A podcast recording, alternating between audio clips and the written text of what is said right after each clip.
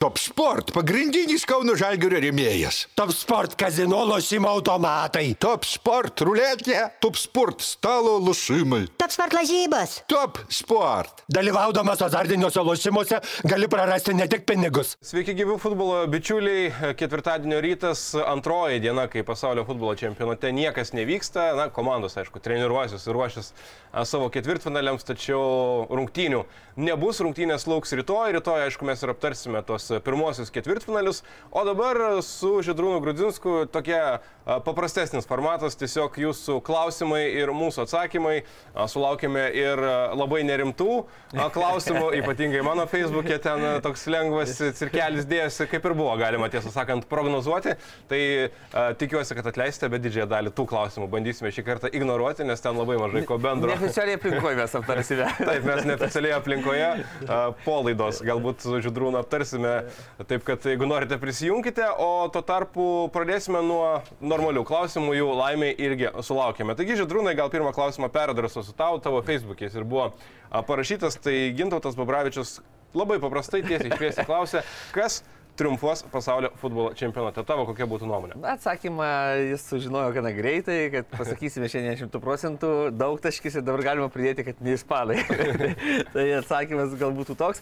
Aišku, tai ką matėme brazilų žaidime, tai ką matėme portugalų žaidime, tikrai tai, mano manimu, dvi komandos, kurios demonstruoja šią akimirką geriausią futbolą, bet geriausias futbolas nesibaigia su ta, lyg e, nata, su tuo paskutiniu teisėjų šilpaku, nes dar laukia, na jau taip kalbant, kad laimint finalą, dar net trejos rungtynės. Taip kad tikrai mes galbūt pasiduodame emocijomis, ne, matydami tą puikų žaidimą, kada lengvai traiškomi šveicarai, kada ten skriaudžiami pietų Korejos futbolininkai, na ir visi kabinam tuos aukso medalius jau ar vieniem ar kitiem.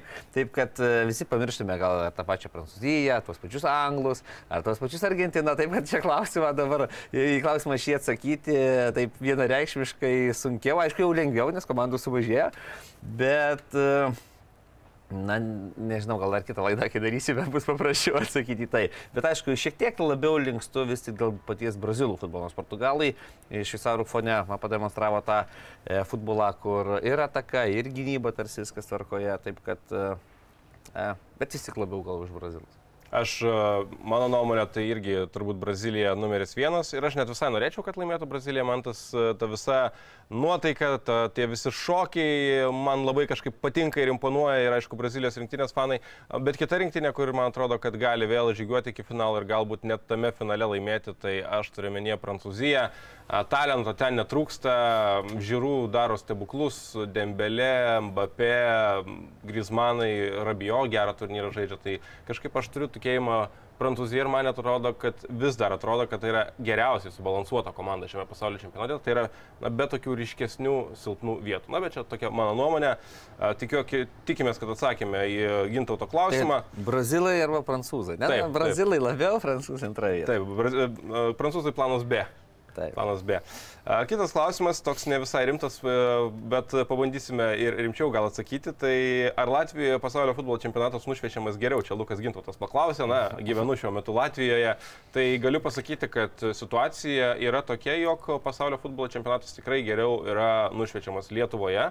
Lietuvoje yra apskritai ta sporto kultūra, mano nuomonė, šiek tiek, na, gal net ne šiek tiek, o rimtesnė irgi. Ne, mes, mes irgi prisidedame, mes irgi esame to dalis ir Lukas Gintautas irgi yra to dalis, irgi ten pokalbiai vyksta podkasto studijoje, taip kad Latvijoje tą kultūrą dar reikia auginti. Ten kažkaip pokalbių podkastų po truputį atsiranda, bet vienas kitas ir Ypatingai, jeigu žiūrėsime į turinį, tai jis toks labai paviršutiniškas, labai, labai lengvas. Pas Bet mus kažkaip priežastis tada, kodėl, kaip pavyzdys? Aš manau, kad tiesiog sporto kultūros Latvijoje jos yra mažiau, kažkaip, net jeigu žiūrėsime, pavyzdžiui, vat, net ir, pavyzdžiui, ledo rytulys, kur Taip, tai ledo rytulys dabar jo apskritai nėra. A, tai yra Rygos dinamo praktiškai, na, išsivaikščiai teoriškai tas pavadinimas dar egzistuoja, bet Kahelo po Rusijos pradėto karo nėra. Tai klubinis ledo rytulys na, yra labai žemo lygio žmonės į jį neina, nelabai apie jo domisi, tai iš esmės žmonės seka rinktinę ir seka NHL savo sportininkus e, eina į krepšinio rinktinę, krepšinio čempionatas irgi silpnas, tai iš vietinių lygų futbolo lyga yra be konkurencijos stipriausia, ten nėra infrastruktūros ir kažkaip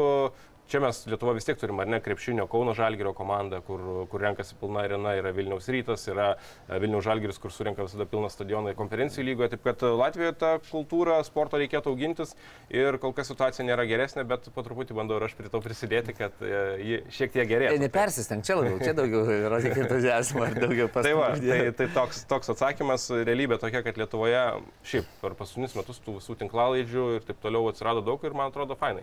Aš ir Latvijoje gyvenamas visą tą pasiklausau, vat, ir yra sportas, yra dangau, vis, viską pasižiūri iš eilės, ką tik galima. Toliau apie pasaulio čempionatą. Benas čia vakar parašė, beje, prieš pat Ispanijos Maroko rungtynes.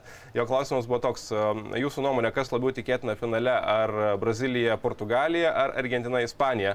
Paskui jis parašė, ar Argentina, Marokas. Tai aš gal iš karto užbėgsiu įvykiams už akių, netikiu, kad Marokas gali nužingsniuoti į finalą. Na, teoriškai gali, aišku, būti, čia jau turbūt lygintume su Graikijos sėkme 2004 metų Europos futbolo čempionate, bet e, turbūt apie Maroko finale mes nelabai galime taip labai rimtai žiūrėti. Na, manau, kad tokias rungtynės, ką ir kiek energijos išeikvojo būtent prieš Ispaniją, išmesdami juos iš tolimesnės kovos, tai tų kelių dienų gali ir nepakakti atsigauti pilnai. Tai turiu omenyje, kad tas emocinis išsiekimas, tas fizinis, na, suprantam, ar psichologinis yra labai svarbu. Ir manau, kad ta euforija nebūna taip dažnai, kas keletą dienų, kad tu, na, paprasčiausiai negali galbūt mobilizuotis, neužtenka tų resursų. Aišku, atsistatymas taip pat ten tikiu aukščiausiame lygmenyje, viskas tarkoje, bet ar sugebės atrasti tiek jėgų, tiek energijos, tiek noro e, Maroko futbolininkai, kas virstų tą kokybę, ką mes matėme būtent rungtynėse su Ispanais. Taip kad vieną kartą galbūt gali sužaisti tokias rungtynės, kai jau per negaliu. Antras po kelių dienų. Ir kaip Portugalai, Išspausti. taip gana lengvai, tai yra nepervargo tikrai. Na, kad tik nebūtų tautinė apgaulė, aišku, nepervargo taip, ta prasme, bet tu, tu per daug lengvai, kalbant jau apie Portugalus, per daug lengvas tos rungtynės su šveicarais, visiškai ten kažkas nerealaus. Taip kad, na, išsisėmė Maroko futbolininkai, tačiau su jau įgyvenintais savo tikslais, vadinkime taip, nes jie, mano manimu, na, savo kėlė tikslą išeiti iš grupės, o šį dar pereiti į aštuntfinalį ir patekti į ketvirtfinalį. Manau, kad tai jau tikrai yra jau jų, vadinkime, tas iškeltas tikslas aukščiausias pasiektas, bet visada norisi užlipti dar vieną laiptelį aukščiau. Kad pasižiūrėsime, bet e, finalas, pavyzdžiui, Brazilija, Portugalija, man neskamba blogai. Ir manau, kad tai yra įmanomas scenarius. Nebūtinai tai bus, bet e, ne, nebūtų sensacija. ne taip? taip, taip. A, Toliau, Davidas turi klausimą ir tau, ir man. Jo klausimas skamba taip, kurios rinktinės šiame pasaulio čempionate labiausiai nuvylė ir jeigu galite, paminėkite bent keletą iš jų ir kodėl. Na tai visų pirma, galbūt jau Europos komandos, dvi Vokietija ir Belgija, man vis tik stovi. Manšaft, ar ne? E, Taip, tai tos komandos, na, Ispanai, kaip bebūtų, na, jau trumpai apie juos, gal kad labai neįsiplečiant, na, prisiminiau Rusijos čempionatą, ne, irgi išeina, pralašė tiem patiems rusams 11 metrų, kur irgi, na, nesitikėjo, kad tai bus dabar čia irgi Marokas, na, atrodo, komanda kaip ir gera, bet vis tiek Ispanai turi, tai tas nusivylimas galbūt jau čia kitoj stadijoje aukštesnėje, nes iš grupės išėjo, tai vis tiek švelnesnis. Taip, kaip tas kaip minusas. Netoks didelis. Taip, o štai Belgija su Vokietija ir ypatingai Vokietija, čia manau, na, toks. Tai jau čia kaip turi būti dabar lekia. Ne taip, Pauliu, Vokietijoje. Galvas kapoja. Ne, tai vis, Jo, mačiau, rinktinio direktorius Taip, atleistas Birkovas. pirmasis, kol kas neaišku dėl trenerių ten ką. Na, aš manau, ten birės viskas ir, ir ten vokiečiai tikrai viduje, na, žinant juos, jie greit persiorganizuos ir manau, kad tuos jų pokyčius matysime vėl po kokių ten aštuonerių metų tikrai, po ketverių gal taip nespės, bet kalba eina apie ten visišką vaikų ir jaunių galimą struktūros e, rimtą pokytį, kalbant apie žaidėjų ruošimą. Taip kad manau, kad tikrai Vokietija, žinant e, jų požiūrį, žinant jų galimybę, žinant jų tradiciją, žinant jų Žaidėjus. futbolo kultūrą, žinant futbolo lygį žaidėjų, taip, tai čia pats skaudžiausias, manau, antausis šiame čempionate būtent vokiečiai. Nu, nu, ir dar gal vieną kokią komandą. Belgai. Na, belgus, kaip kalbėjau, belgai, belgai, na, ta auksinė karta nepakilo. tipo, kur tu sako, kokia mes auksinė kartą, pažiūrėkit, ką mes Ne, apie ką, ne, ką laimėjom. Ne, žaidžia taip, tikrai būna, būna, kad gerai žaidžia, tikrai komanda. Na, ne veltui ilgai antra pasaulyje FIFA reitinguose, bet esmė ta, kad nu, nieko laimėti negali. Bent jau nėra visiškai taip arti, kad, na, sakytumėm, tik per Marytės plauką ten, ne, laimėjo ten kokiu titulu. Taip, kad manau, belgai, bet e, vėlgi, tai ganėtinai vadinkime taip maža, ne kaip futbolo valstybė, kaip valstybė, bet kaip futbolo tarsi turi jau tą vardą, bet tas futbolas, ką matėme šiame čempionate, na, tikrai labai blankus. Taip, kad antroje vietoje pagal, vadinkime, tą blogumą, ne, ką, kokios viltys buvo iš šių komandų dviejų, tai, na, duočiau tokią antrą vietą iš, ta, iš pačios. A, Visiškai pritariu dėl Vokietijos pirmoje vietoje pagal nusivylimą, ypatingai turint omenyje grupę, tikrai tikėjomės, kad e, žengs tolyn. A, Belgija irgi ir gal dar galiu paminėti šiaip taip greitai pereinant per grupės, tai pavyzdžiui, A grupėje Ekvadoras trečiajame turė nuvylę, tikrai tikėjausi geresnio jų pasirodymo. Tiesą sakant, man buvo įdomu visai stebėti Katarą ir kažkaip aš maniau, kad bent jau konkurencingi jie bus, bet iki galo konkurencingi jie vis tik nebuvo. Ir mes matome, kad 12 metų, daug pinigų, milijardai akademija, na, nepadeda. Futbole laiko reikia daugiau, turbūt daugiau nei 12 metų, kai viską pradeda statyti praktiškai nuo nulio. Taip, aš manau, kad tikrai taip ir kita vertus, ar mes tikėjomės iš jų kažkokių stebuklų. Ne, stebuklų ne, aš turėjau menį, kad konkurencingi šiek tiek bus. Tikėjausi, kad kažkas va, bus į Saudo Arabijos pusę, kad Va, bent jau pakovosi. kad iš- Apie išėjimą ten tikrai aš net neturėjau minčių. Taip, o tai o tokie, kad, na, tokie didžiausi galbūt, na, vadinkime, netikėtumai iš gerosios pusės, tai paminėčiau galbūt ir Saudo Arabijos, ne tai, kad neišėjo, tačiau Žaidimas. Visos, taip, būtent, būtent, būtent žaidimas ir grupėje, na, jiem aišku, ten visos grupės, vadinkime, taip jau sunkios turėtų būti ir, ir buvo, bet esmė ta, kad jie žaidė, kad jie nebuvo beviltiški ta pergalė prieš Argentiną, ar po to tos dviejos rungtynės grupėje, na, daug ką pasako apie tą kryptį, kurią pasirinko jie, kurią pasirinkė iš anksčiau. Na, žinome, tas tautas, ten Japonija, pietų, kurie gali finansų skirti, ne, jeigu reikia, ten įmeta į tas sporto šakas, nes turi tų resursų. Bet štai kitos Azijos šalys ar Afrikos šalys tikrai maloniai stebina savo žaidimu. Ir dar baigiant apie nusivylimus, tai e, kas turbūt, kad reikėtų irgi paminėti, tai Danijos rinktinė, na vis tik vienas taškelis tik tai sukrapštytas. Kalbėjome apie tai, kad po Prancūzijos jie savo grupėje, kur priminsiu, buvo Australija ir Tunisas, yra, na, tarsi ta antra komanda ant popieriaus, bet e, vienas tik taškas, paskutinė vieta aplenkė juos ir Tunisas, ir Australija. Ir gal net a, aš juos statyčiau po Vokietijos, man taip labiausiai nustebinus prastąją prasme, blogąją prasme rinktinių net antrąją vietą, nes na tikrai visiškas dugnas ir tikrai tai ten nieko gero nieko gero nebuvo. Serbijos rinktinė irgi šiaip su vienu tašku kažkaip tikėjausi iš jų daugiau. Na, toliau kitas klausimas, taip, kur mes čia esame. Dovido klausimas ir jis skamba taip, kaip manote, kokios yra Argentinos rinktinės perspektyvos, kai karjerą rinktinėje baigs Mesi, ar vis dar tai bus vienas stipriausių pasaulio komandų, ar Mesi netektis turės didelę įtaką jų ateičiai. Aš galbūt pažiūrėsiu per pavyzdį Ronaldo, ne, Portugalijoje. Tai yra, kaip be būtų, tų lyderių vieta nebūna ilgai tuščia, vadinkime taip, nes ta restruktūrizacija komandoje ir pokyčiai taktiniuose dalykuose, funkcijų paskirstime, tikrai tokiuose šalyse kaip Argentina, Brazilija, jeigu kaip pavyzdys Neymaro nebūtų, ar, ar e, na, e, minėjome dabar apie Mesį, tai iš tikrųjų aš manau, kad neturės labai esminio didelio skirtumo, kalbant apie e, komandos lygio kritimą, ne žaidimo. Tas pats Ronaldo, na taip, tempė N metų komanda, tačiau matome, tas jaunimas ateina, pakeičia labai ramiai ir netgi dar geriau tam tikrame jau žaidimo tarpsnyje, ne, na jau visi suprantame, kad su visą pagarbą Ronaldo jau- nebepadės, taip, kaip padėdavo anksčiau. Taip, kad ir su Mesi. Aš Bet manau, kol kas dar blusytė padeda Ne, dabar padeda taip, taip, taip, bet esmė ta, kad na, jeigu jis baigs karjerą, tikrai nebus tokios kylės, vadinkime taip, kad Argentina ten kažkur kris Pietų Amerikos, ten savo e, vidaus čempionatuose ar patekę į pasaulio čempionatus kažkur blogai žais. Ne, ten irgi potencialas milžiniškas ir manau, kad ten atsiras žaidėjų, kurie kompensuos, vadinkime, tą stiprų mes individualumą, bet ki- kiti pasiskirstę funkcijas kaip komanda tikrai gali visą tai užimti tą terpę ir žaisti labai kokybišką ir rezultatyvų futbolą. Taip kad nemanau, kad čia vienas žaidėjas šiais laikais gali sugriauti komandą išeidama. Na, plus vis tiek jau metai ir mes irgi nebe toks, koks buvo anksčiau, bet e, kas turbūt faktas, kad pasikeis, tai yra e, Messi, Ronaldo, tai yra tie žaidėjai, ar ne, kuriuos, na, visos tos blikstės. Ar jie žaidžia, ar jie yra ant suolo, na, ypatingai Ronaldo atveju, vis tiek daugiausiai kalbama, rašoma apie juos. Ir e, kai Messi nebus, turbūt tas dėmesys bus galbūt šiek tiek tolygiau paskirstomas visiems žaidėjams, ar ne? Nes vis tiek dabar kalbant apie Argentiną, yra čia va Argentina, čia yra Messi, o čia yra va, visi kiti, nesvarbu, kad ten yra a, labai daug žvaigždžių. Taip, ar čia yra va, Ronaldo ir yra Portugalų rinktinė. Taip kad e, tikrai e, to žvaigždės, aišku, tie nueinantys mohikanai turi savo aurą, turi savo šarmą ir e, neveltui dėmesys visas į juos, na kaip kalbėjome prieš laidą, kad prieš Portugalijos rinktinės rungtynės su šveicaras, ne prieš gimnus, e, tikrai ten 98 procentai fokusuoja dėmesį į jį. Taip kad, na, tas aišku turi būti. Jie tikrai paliko milžinišką pėdsaką šiuolaikinėme futbole. Ir tai yra tikrai, mano manimu, du geriausi pasaulio žaidėjai, imti ten net ne 10 metų, o daugiau.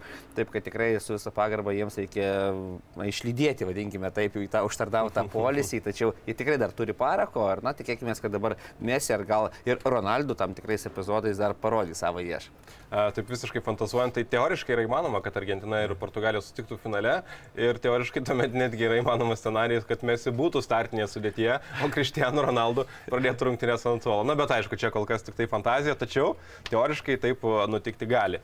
A, toliau, Arno klausimas, ar Pedri jūsų nuomonė yra šio čempionato top 3 saugas? Čia beje klausimas dar užduotas prieš Ispanams, išskrendant nuo Maroko rinktinės. Tai Tai atsakymas jau nebe tikrai. Bet šiaip, vat, lyginant turbūt šį žaidėją su kitais elitiniais saugais šiuo metu, ar matai jį tarptų na, visiškai geriausių, ar kažkur manai, kad šiek tiek ir avanso gauna? Yeah. Žiūrint į ateitį, tai manau, kad taip, bus, vadinkime, tas žaidėjas patenkantis į trejetuką, kaip pavyzdys savo pozicijos, ne konkrečios, jeigu ten dėliojant tai skaičiukais, kiek yra tų pozicijų. E, šiai akimirkai, na taip, gal nedrįščiau teikti, juolab, kad ispanai iškrito. Štai čia yra tas minusas, kur tos komandos... Labai paprastas argumentas. Taip, paprastas argumentas, nes tavęs vėliau nebus. Nebus ketvirtfinalį, pusfinalį, finalį ar paprasčiausiai užsimirš. Kaip po, kaip po žaidėjas, ne, kuris turi puikią perspektyvą, kuris tikrai bus top lygio žaidėjas, bet šiame čempionate, apie komandos esu žaidus tik ketverias rungtynės, paprasčiausiai galbūt per anksti tuos bonusus būtų kabinti. Taip kad uh, tikrai ateitis šviesi, super žaidėjas, bet šiame čempionate neskirčiau į tą trejetuką, vadinkime taip, į savo pozicijos top. Pedri Gavi nuolat startinę sudėtį įdavo Ispanijos komandos. Aš taip šiandien pagalvojau ir net vat, ir su kolega, kolega, Ervinu, su kolega Ervinu vakar šiek tiek kalbėjome. O kokia tavo nuomonė? Ar tau netrodo, kad galbūt ispanams šiek tiek ištelėjo galbūt koja, kad na, per daug to jaunimo, tai yra per daug labai labai jaunų žaidėjų. Taip, jie super talentingi, čia niekas nekalba ir taip jie turbūt jau atitinka tą lygį, bet ar, ar nėra taip, kad tokiuose turnyruose kažkur tos patirties gali reikėti šiek tiek daugiau ir galbūt, kad tai irgi kažkokią rolę turėjo tam, kad ispanai išskrido. E, Na, iš dalies, aišku, galima galbūt taip traktuoti būtent tą iškritimą, ne, kad trūko tos patirties, trūko to, vadinkime, gal vyriškumo, ramumo, taip, ne, tam tikruose momentuose. Nes gavime mes matome, koks yra ten skrenda. Taip, jaunatiškas tas entuzijazmas, maksimalizmas, ne, visur būti pirmam kažkur vėktas šaltas protas, gal ne visada spėja paskui kūną, ne paskui tą, tą visą sprendimą. Na, kada iškrenta komanda, pag, na, galima per tą prizmę žiūrėti, ne, kad jeigu būtų vyresnė, galbūt epizoduose kažkur sužaistų ramiau, būtent e, su Maroko komanda, bet e, šiaip visumoje na, yra busketsas. Šiaip paimkime, ne, ir turi šalia, tai manau, ten tie lenciūgėliai yra šiek tiek prilaikomi, tie žaidėjai reguliuojami, bet faktas tas, kad, e, na, sprendžiant vėlgi, sakau, per tą, kad iškrito ispanai, gal kitam čempionate. Gal kitam čempionate matysime juos jau subrendusius kaip asmenybės, ne? nes kaip futbolininkai jau subrendę, bet dar galbūt vat, reikia to labai labai mažo, mažos tokios smulkmenėlės detalės, kad jie būtų tokiuose rungtynėse dažniau, kad jie gautų tokius iššūkius daugiau ir atėję su savo patirties bagažu, bet tokiuose rungtynėse gali išspręsti komandos likimą į teigiamą pusę ir manau, kad jie tą darys. Kaip Havi, kaip Iniesta, taip ir Pedri ir gali, gali tą daryti. Hervinas klausė, kas anksčiau žais pasaulio čempionate Lietuvai ir Latvijai.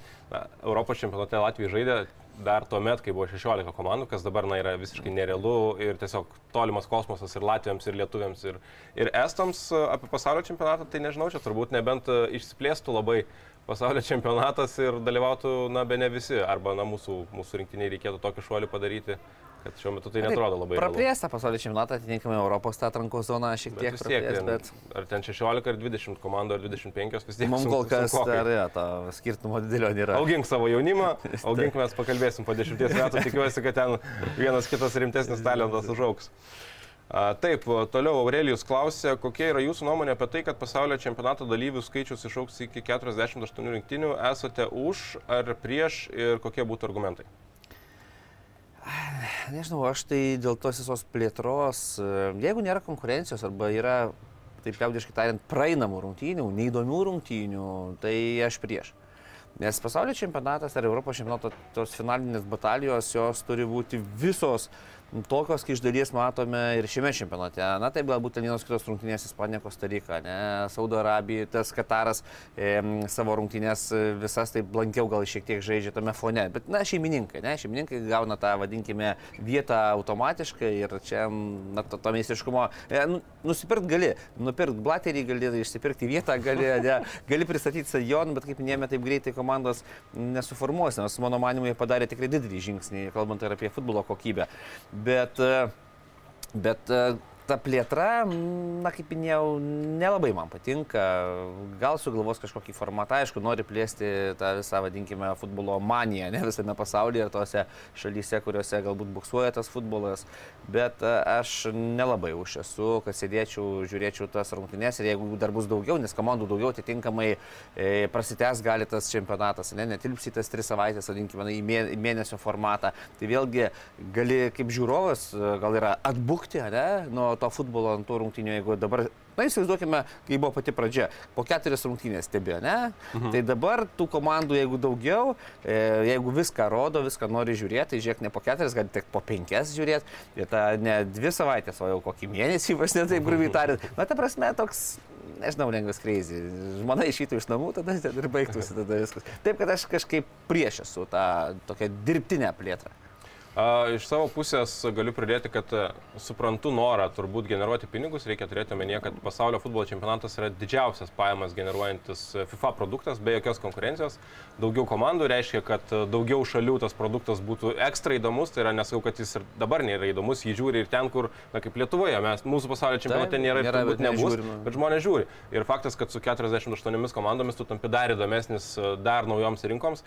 Kita vertus, na plėtra reiškia visų pirma ką. Tai reiškia, reiškia, kad krenta kokybė. Tai reiškia, kad matysime daugiau tarpusavėje žaidžiančias, na, tas ne visai elitinės komandas. Jau šiame čempionate mes kalbėjome, kaip pirmajame grupėje apie žaidė vokiečiai su ispanais, kad va čia ar ne tas va, nuostabaus lygio futbolas, paskui aišku, vokiečiai važiavo namo ir taip toliau, bet kokybės jos ir taip ne visada grupių turnyre mes matome labai daug, kad su 48 komandom kokybės bus mažiau ir kas dar man yra įdomu, kad na, kodėl aš, pavyzdžiui, irgi esu prieš, man labiau patinka tas mažesnis turnyras, bet tada tai yra toks ekskluzyvas, tai yra tas toks elitinis klubas, kur tu žiūri į tuos, na, pačius e, kečiausius pasaulio futbolininkus, pačias geriausias komandas ir tu praktiškai kiekviename mače gauni tą produktą. Man, pavyzdžiui, štai Europos čempionate irgi 16 rinktinių, man buvo tas, na, lakmuso papirėlis, kai tu žinai, kad ten patekti yra, na, neįtikėtinai sunku ir iš 16 rinktinių, nu, ten jau nepateks silpna komanda. Na, okei, okay, pateko 2004 Latvijoje, bet tai buvo tie senesni laikai, dabar 20 bet ir tai metų prabėgo. Dar, ir dar galų gali iš vokiečių taškų, taškų, taškų atėmė. Taip kad a, aš esu prieš ir žinai,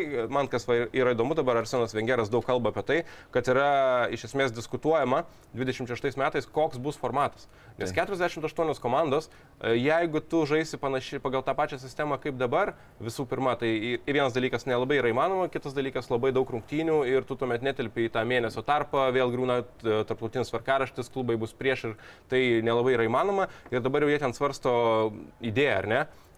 Prieš rungtynės mušti baudinius, tuo metu gali žaisti su trim, nes iš pradžių koks buvo pasiūlymas, trys komandos grupėje, ar ne, bet tuomet jie suprato, kad tada labai anksti viskas gali būti aišku, tai yra ir kaip tada išsaugoti tą intrigą.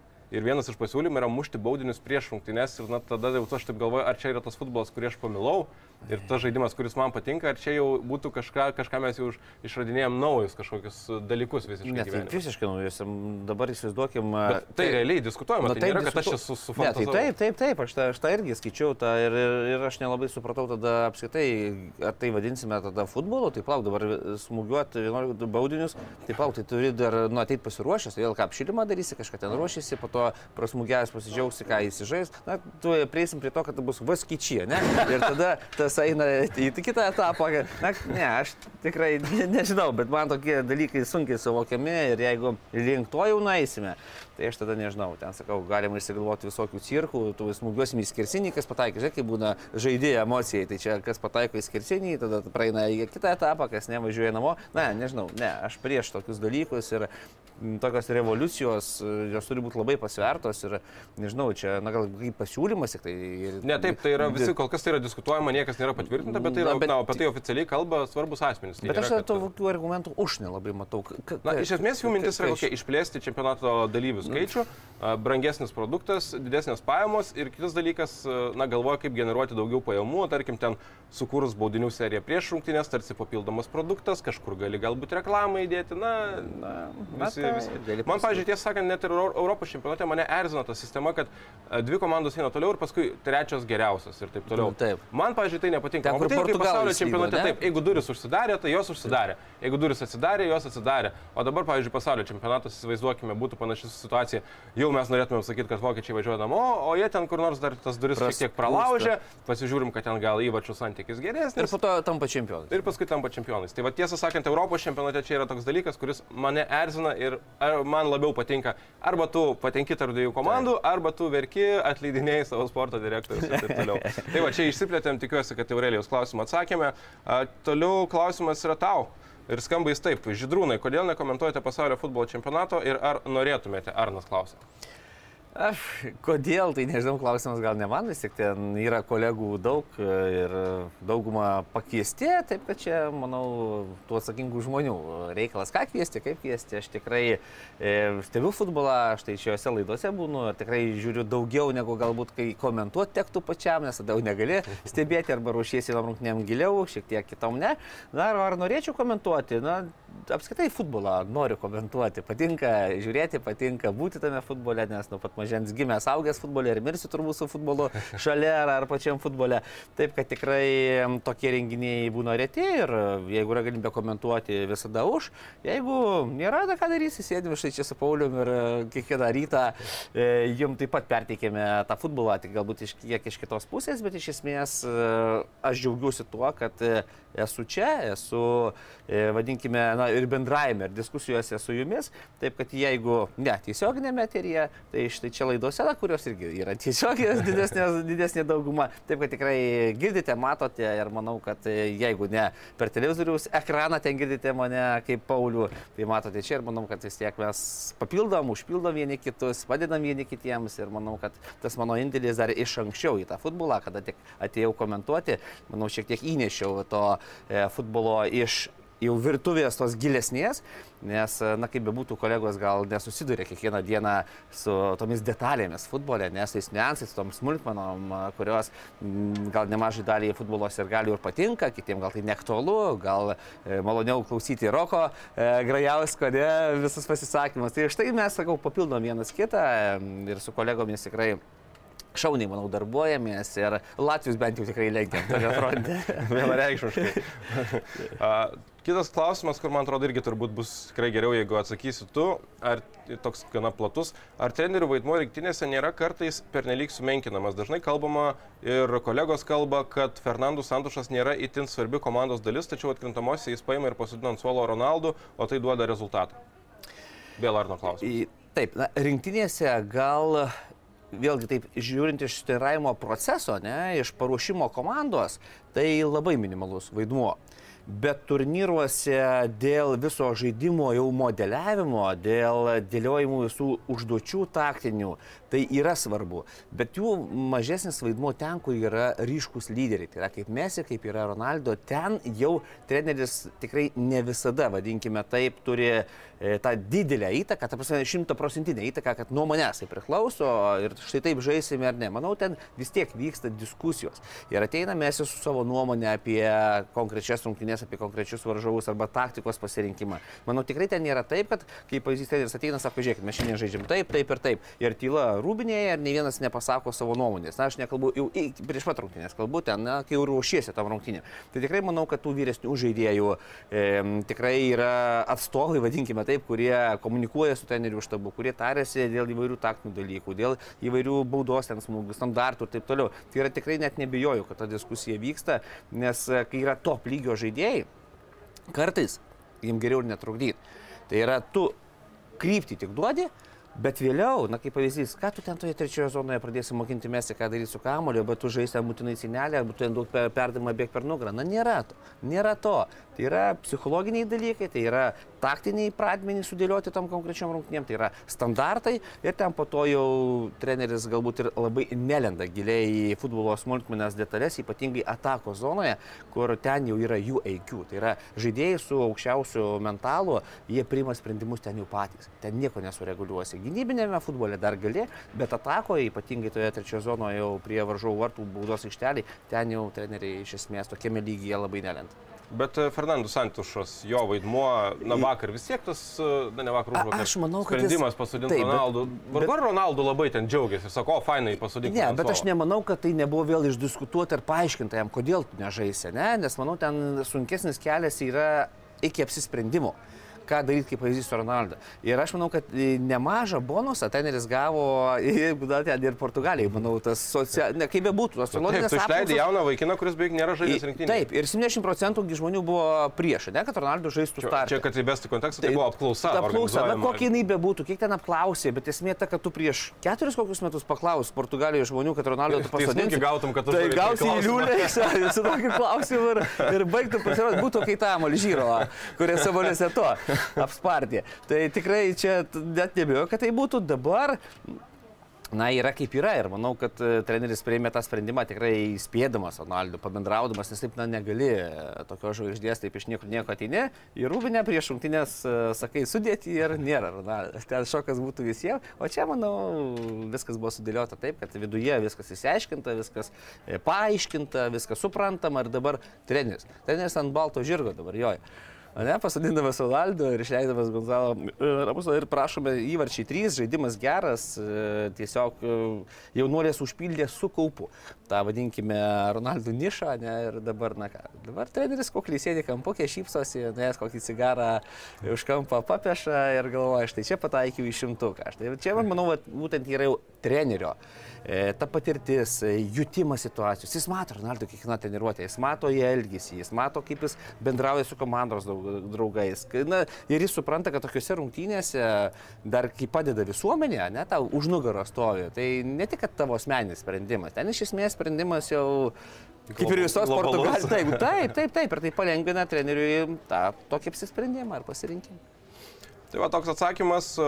Toliau Evelina klausė, ar tarp visų darbų dar randat laiko patys pasiklausyti kitų tinklalaidžių, podkastų ir pasižiūrėti įvairiausių laidų arba apie pasaulio čempionatą, ar atidirbus jau nieko nesinori, e, tik eiti miegoti. Man klausimas. Pradėk tu, paskui aš. Yeah. Na, Žiūrėk. tikrai fiziškai visko neįmanoma būtų išklausyti. Na, kai būna, pavyzdžiui, kamščiai, ne, važiuoja ryte, tas kas retai būna, rytais čia mūsų filmavimai dabar ganėtinai ankstyvi, E, bet po, ypatingai po futbolo, kada mes baigiam komentuoti, na, Premier lyga, Čempionų lyga, ten baigė kokią 12, jau grįžti apie pusę pirmą, pirmo, pirmą nakties, po to vėl ta kit, kitą dieną rytas, tikrai, jeigu sąžininkai, nespėjau paklausyti mūsų kolegų dar kiekvieną kartą ten tų podkastų, jų pasisakymų, mm, tikrai ten įsijungi kažką paklausai arba perskaitai, kur Facebook'e, kad tai buvo įdomu, tada pasižiūri, nes taip, na, tikrai ta, ta para neguminė, kad viską, na, išklausyti. Aš gal iš savo prizmės per šį pasaulio čempionatą, tai pradėjus dirbti, ta, tos pirmas, kiek ten, kokias 12 dienų, tai tikrai labai įtemptos buvo, nes po ketverias rungtynės per dieną, Tai ten a, ryte filmuojam laidą, paskui dar kolegos kur nors pakeičia kokią nors kitą laidą, tada dar turi du arba net kai kuriam dienom turėjau tris komentavimus, tai tikrai jau būdavo taip, kad tas 12 dienų, tiesą sakant, a, nei vieno podkasto nieko jau nebeklausiau, nes tiesiog pasižiūri visas rungtynes, atkomentuoti dirbi ir jau nori pailsėti, nes ryte vėl filmuojam laidą ir reikia vis tiek turėti ir mums šiek tiek šviežumo a, ir, ir jėgų bei energijos, bet dabar, kai prasideda jau atkrintamosios ir dabar tas ritmas, kai per dieną jau man tai reikia komentuoti vienas rungtynes, tai toks jau atrodo, kad pusiau atostogų režimas. Čia ryte su tavim pakalbam smagiai, išgeriu kavos ir paskui, o ką daryti? Tai jau būtent klausimas, kaip, kaip ne tą dieną susidėlioti visą. Taip, tai vakar jau galiu pasakyti, kad pasiklausau net keletą dietetik podkastų, visai geras taip kontentas, galima kartais tokių įdomesnių minčių irgi šiek tiek pasisemti. Tai šiaip jau sezono eigoje, kai, kai nebūna pasaulio čempionatų, stengiuosi visada pasiklausyti ir, ir ką kalba kolegos, ir apie lietuvišką futbolą, ir, ir jūsų pokalbių, taip kad aš iš tų, kuriems patinka sekti, bet tiesą sakant, irgi dažniau klausau negu žiūriu, nes važiuojant kažkur su dviračiu ir panašiai, tai toks labai, labai geras fonas. A, taip, turime dar čia paskutinius likusius tris klausimus. Ugnius klausė, tai irgi manau, kad galim ir tu ir aš galim atsakyti. Kiek laiko reikia ruoštis vienų rungtynių komentavimui. Gal aš net nuo- šį kartą nuo savęs pradėsiu. Kiek laiko reikia ruoštis vienoms rungtynėms ir šitas klausimas tikrai kartais užduoda būna žmonės, jį ar, ar pažįstame draugai, tai kiek tu ruošies rungtynėms. Tai iš esmės ruošiesi visą gyvenimą. Tai yra mes žiūrime futbolą, mes sekame futbolą ir tai yra tas žinių bagažas, kurį tu tiesiog turi ir, ir važiuoji tolyn. Nes, na, pavyzdžiui, kad ir Premier lyga, kurią tenka komentuoti, na, tai tu ją jau komentuoji ten keturis metus, galbūt penkis metus aš komentuoju, stebiu, žiūriu apžvalgas ir realiai prieš rungtynės, na, tau reikia pasižiūrėti, ką, ar yra kažkokių tai traumų, ar yra kažkokių tai paskutinių dienų naujienų, ką pasakė galbūt treneriai prieš rungtynės, o daugiau, na, tu turi tą žinių bagažą. O pasaulio čempionate galima sakyti, kad tas pats, išskyrus galbūt tas mažesnės rinktinės, kur yra mažiau žinomų žaidėjų, kur, na, tu tikrai kažką turi žmonėms papasakoti, pažiūrėjau, apie Saudo Arabijos rinktinę, kur visi žaidžia vietos čempionate, tai natūralu, kad tau užtrunka laiko susirinkti tam tikrą informaciją. Bet iš esmės tai, aš kaip sakau, čia yra tas dalykas, kur, na, nėra taip, kad tu nieko nežinai, atsisėdai ir dabar 3 valandas skaitai ir staiga viską sužinai. Tai tiesiog visą laiką mes tą darbą darom, sekam futbolą, gyvenam futbolu ir, ir ruošiam. Aš gal šiek tiek papildysiu dar Paulių, visą tai, ką sakė, taip, e, viskas taip ir yra. Tik aš dar gal paminėčiau skirtumą, kada komentuoji vienas ir kada dviesi. Didelis skirtumas. čia. Čia didelis skirtumas, nes kodėl? Na, kaip pavyzdys, mūsų, vadinkime, ampluo skiriasi. Ne, yra tas įvedantis e, komentatorius, kuris pristato viską. By kuris... labiau. Taip, taip, taip, taip. Ir jeigu žinau, kad aš komentuoju na, su kolega kažkuo, tai aš neapsiimu to pirminio, vadinkime, baro, kur reikalinga informacija, na, tokia platesniai visuomeniai. Aš jau lendu labiau į žaidimo niuansus rungtynių metu, į tą analizę vidinę ir tą, tą gyvai, ne, kad na, viską, ką matai, turi perteikti jau iš tos futbolo gilesnės pusės. Nes tikrai kolegos nėra treneriai ir suprantama, kad ten į visus niuansus galite įsigilinti, į tas smulkmenas visas ir taip toliau, kas yra vėlgi žiūrovam gal įdomu. Taip, kad kada vienas, tada aš turiu ir tą visą įvedimą pasiruošti. Na, pasidėti šiek tiek. Taip, tenka pasidėti, da, jau tą informaciją gauti, kas traumuoti, ten kokios kortelės, ar kas, kas sužaidė praeituose turuose, kaip, ar ten kokį pokyčių sudėtyse, ar ten kas kokį sirkiuką rėžė laisvalaikiu, na, kas žmonėms irgi būtų įdomu. Nes aš puikiai labai gerai pamenu, dar kai pradėjau sportui vienam e, komentuoti ir tuo metu Saurimu Budraičiu pradėjome, na, pakeitė mane e, dirbti toje televizijoje komentatoriumi ir aš puikiai prisimenu tuos, vadinkime, standartus komentavimo. Ne, kad vienas ten trečdalis turi būti bendrai visuomeniai, vienas trečdalis ten tokių plius minus žinių futbolo, o trečias, e, na, vos ne tyla eterija. Ne, ta prasme, reikia mokėti Balansą. balansą išlaikyti. Ir štai to prasnaus futbolo viso labo tik trečdalis. Ir aš kai tik atėjau, pradėjau komentuoti, na, kaip treneris, ne? Iš, nu, grinai tuos techninius, taktinius dalykus. Ir po to taip galvoju, nu, ne veltui trečdalis dabar įsijungia žmonės, pavyzdžiui, pasaulio čempionatą, kurie futbolu nesidomi. Ir dabar aš ten viską aiškinu, futbolo terminologiją, na, neįdomu. Mano žmogui. močiutė, kuri pažiūrė, tai sakytum, tai kas čia per... Apie ką šneka, Tai taip, aš tai, tai, yra, tai yra jau, jau e, mano, vadinkime, gal tos išvalgos ar ten e, konkrečių futbolo situacijų e, analizavimas e, eteryje, ten skirtas tam tikrai daliai. Nes tikrai, pavyzdžiui, treneriai, žaidėjai labai patenkinti, kada įlindi giliau, nes tai jie supranta. Bet turbūt ne veltui yra trečdalis žmonių, kurie nori žiūrėti tą pasaulio čempionatą, turi išgirsti ir aplinkas vyksta, ne? nes jiems įdomiau galbūt klausyti tai apie vieną kitą šalį, apie ten žaidėjų laisvalaikius, kaip ten šeimos problemas ir taip toliau. Ir tada tu užpildai e, tą nišą su spets žiniom ir paėmus to visą visumą, tu matai tikrai puikų komentavimą, kas, na, ne veltui taip ir yra, na, kur reikia ten ir patyrė, mane, kolegos, tai būna, kad ten čirški visada. Taip, kad aš manau, va, tą balansą labai svarbu išlaikyti ir kada vienas komentuoji, na, turi į tas tada papulti roges, kad ir paliesti tą pusę, kuri galbūt man nėra tokia svarbi ir įdomi, bet aš puikiai suprantu žiūrovą, kuriam norisi išgirsti ne tik tą techninę futbolo kalbą, bet kartu išgirsti apie, pavyzdžiui, balotelį, kad ten vežasi pinigus, ten vos ne 250 tūkstančių svarų kažkur maišė mašinoje, ar padega vonioje, ten kažkada žmonėms tai įdomu, na, tokių dalykų būna. Šiaip irgi dar ką galima paminėti ir pridėti šioje temoje, tai kad a, labai skiriasi komentavimas, tarkim, kur mes šiaip a, na, specializuotame specializuotai šiuo metu dirbame sporto platformoje, kur komentuojame, ar ne, ir ten vis tiek auditorija yra pagrindė, na, tie Taip, sporto taip. fanatikai, tie žmonės, kurie, kurie žiūri kiekvieną tada- savaitę ir taip. jiems jau tų detalių reikia šiek tiek daugiau, jiems nereikia jau aiškinti, kad Rahimas Sterlingas ten yra greitas ir techniškas, nes visi ir taip žino.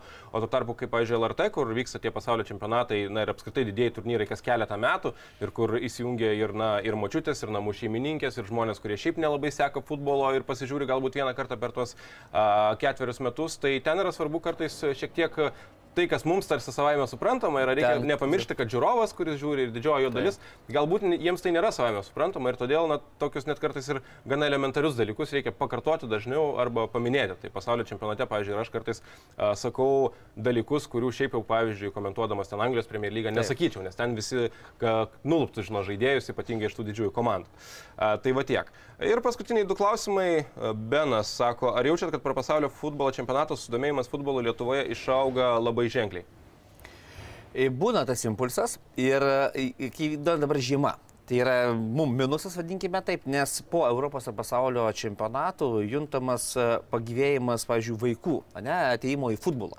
Tai yra baigėsi ten, kaip pavyzdys, na, rūpjūtį, kokį ten liepą dažniausiai būna, rūpjūtis ir tada tokia banga iš inercijos yra ateimo vaikų būtent į futbolo būrelius, į futbolo mokyklas ir tikrai jaučiame tą tokį, na, pagyvėjimą futbolo, vadinkime, rinkoje. Tai tas tikrai duoda tą tonusą, kita vertus, e, na, ir prikaustų ir paprastus žiūrovas, nes e, tai yra įdomu, tai yra aktualu, tai yra visur daug, na, apšviešimo vadinkime, net kur be pasisuksi, ar įsijungsi internetą, ar įsijungsi televiziją, ar per radiją, vis tiek tu girdi tą, na, ir nori, nenori tave užkabina ar pradėti domėtis.